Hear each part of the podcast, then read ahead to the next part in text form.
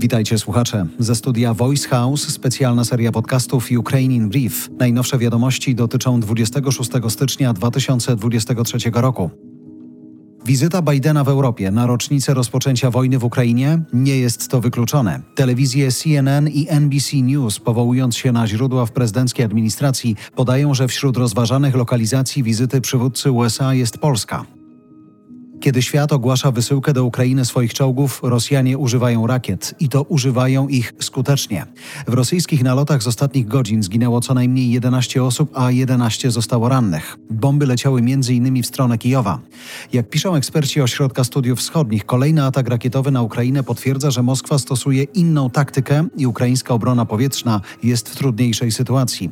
Jak to działa? W pierwszej fazie ataku Rosjanie wysyłają tanie drony z Iranu. Ukraińcy strzelają do nich drogimi rakietami. Jednocześnie zdradzają swoje położenie. Wtedy Rosjanie celują własnymi rakietami i ukraińska obrona powietrzna jest wtedy mniej skuteczna. Jak podsumowuje OSW, Rosjanie osiągają większą liczbę celów, tracąc mniej rakiet. Niemieckie leopardy będą na Ukrainie pod koniec marca lub na początku kwietnia, zapowiada minister obrony Niemiec. Wiceszef MONU w Warszawie twierdzi, że w Europie jest około 2300 czołgów leopard, co oznacza, że może udać się zebrać brygadę, czyli około 100 sztuk leopardów w pierwszej fazie. Całość mają koordynować Niemcy. Jak to wygląda w szczegółach? Być może nawet 40 leopardów dostarczy Ukrainie Hiszpania. Cztery maszyny chce dać Portugalia. Holendrzy, Norwegowie i Polacy też zastanawiają się nad tym, co zrobić. Holendrzy obiecują nawet 18 czołgów Leopard. Brytyjskie czołgi Challenger mają dotrzeć na Ukrainę do końca marca.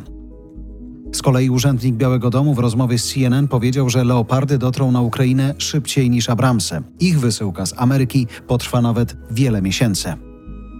Prezydent Zełański w wieczornym wystąpieniu mówił, że kluczowa będzie szybkość i liczba. Szybkość szkolenia armii, szybkość dostaw czołgów i liczba dostarczanych czołgów.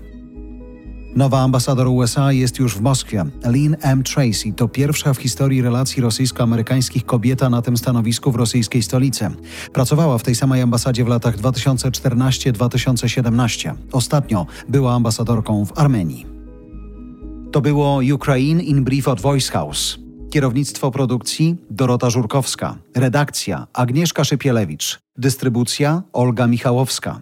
Dźwięk Kamil Sołdacki. Redaktor naczelny Voice House Jarosław Kuźniar.